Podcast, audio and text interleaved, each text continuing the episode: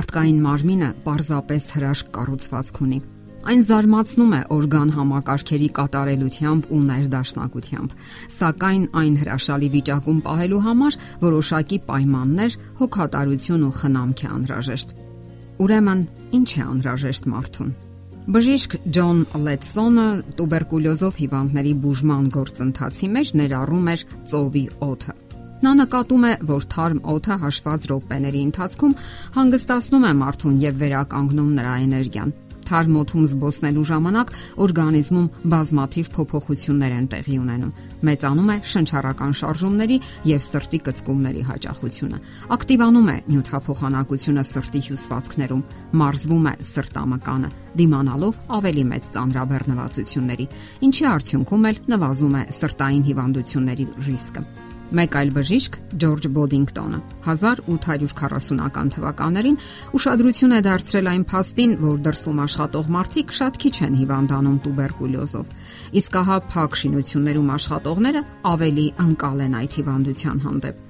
Ուշագրավ դիտարկումներ է արել նաև ռազմական բժիշկ Ֆլորենս Նայթինգեյլը Ղրիմի պատերազմի ժամանակ։ Նա պնդում էր, որ վիրավորների հիվանդասենյակներում միշտ թարմ օդ պետք է լինի եւ իր օրագրում գրում է. Բժշկության մեջ իմ հստակ փորձը ցույց է տալիս, որ հիվանդներն առաջին հերթին մաքուր օդի կարիք ունեն, իսկ երկրորդ կարևոր բանը լույսն է, բայց ոչ թե պարզապես լուսավորությունը, այլ արևի ճառագայթները։ Պարզվել է նաև, որ թարմ օդում կատարված զբոսանքները դրական են ազդում հենաշարժողական ապարատի վրա տականում են մկանները, բարելավում է արյան շրջանառությունը։ Օգտակար է թարմ օդում զբոսնել նաև ճաշից կամ ընթրիքից հետո։ Այդ ժամանակ լավանում է մարսողության ընթացքը եւ կանխվում է ավելորդ քաշի վտանգը։ Օթից բացի մեզ շատ անհրաժեշտ է ջուր։ Ջուրը հաճախ անվանում են հրաշքեղուկ, չէ որ նրանից է կախված մեր ֆիզիկական, ինչպես նաև հոգեկան առողջությունը։ Այն անհրաժեշտ է տեսողական, լսողական օրգանների համար ինչպես նաև մարսողական համակարգի գործունեության համար։ Առանց ջրի մենք չենք կարող ոչ կուլ տալ, ոչ խոսել եւ ոչ էլ անգամ թարթել մեր աչքերը։ Հիմա, երբ մենք մտածում ենք այդ մասին, մեր ուղեղի բջիջները աշխատում են ջուր օգտագործելով։ Երբ օրգանիզմը կորցնում է իր հեղուկի 20%-ը, կյանքը դադարում է։ Մարդկանց զգալի մասը բավարար քանակով ջուր չի խմում։ Հնարավոր է, երբ դուք որոշ փաստեր իմանաք ջրի վերաբերյալ, սկսեք բավարար քանակով ջուր օգտագործել։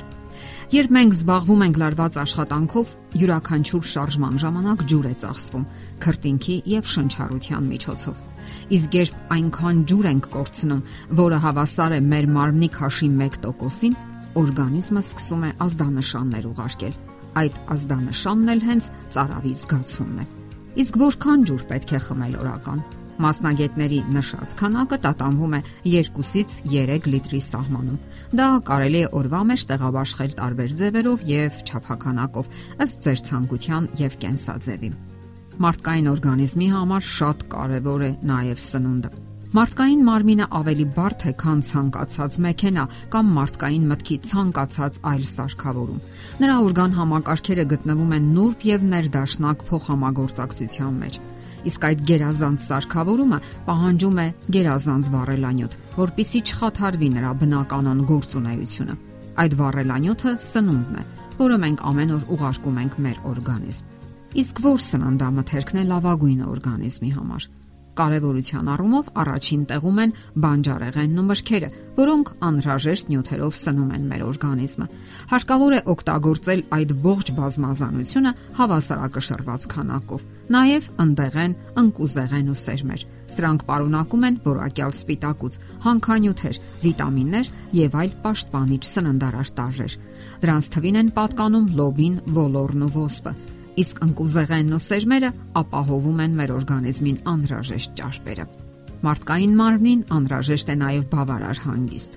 Հոգնածությունը որոշակի իմաստով պաշտպանական միջոց է, որpիսի մեզ հետ պահի խենթ ու հաճախել անիմաստ վազվզոցից ու ունայնությունից։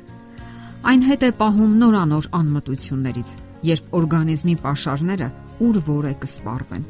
Վաղուց արդեն ողրվել է, որ հոգնածությունը բազմաթիվ հետևանքներ է թողնում ոչ միայն ֆիզիկական, այլև հոգեբանական։ Եվ արժե որ այդ մասին բոլորն իմանան։ Իմանան, որ այն ոչ միայն ախտահարում է մեր ֆիզիկական մարմինը, այլև ազդում է տրամադրության վրա, այն դարձնելով գրգռված ու բարկացկոտ։ Թուլացնում է նաև կենտրոնանալու ունակությունը,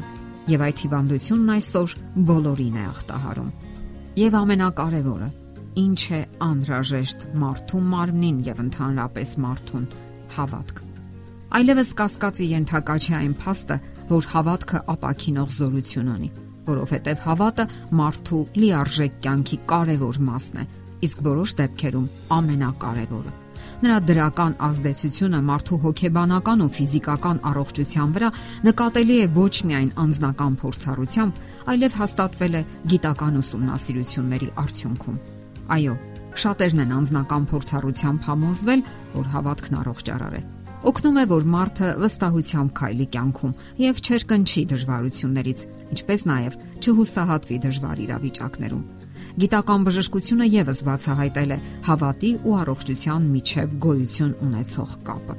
Հետևեք առողջության համար անհրաժեշտ այս բոլոր սկզբունքներին եւ երկար կյանք ու ամուր առողջություն կունենաք։ Եթերում է առողջ ապրելակերպ հաղորդաշարը։ Ձեզ հետ է Գեղեցիկ Մարտիրոսյանը։ Հարցերի եւ առաջարկությունների համար զանգահարել 033 87 87 87 հեռախոսահամարով։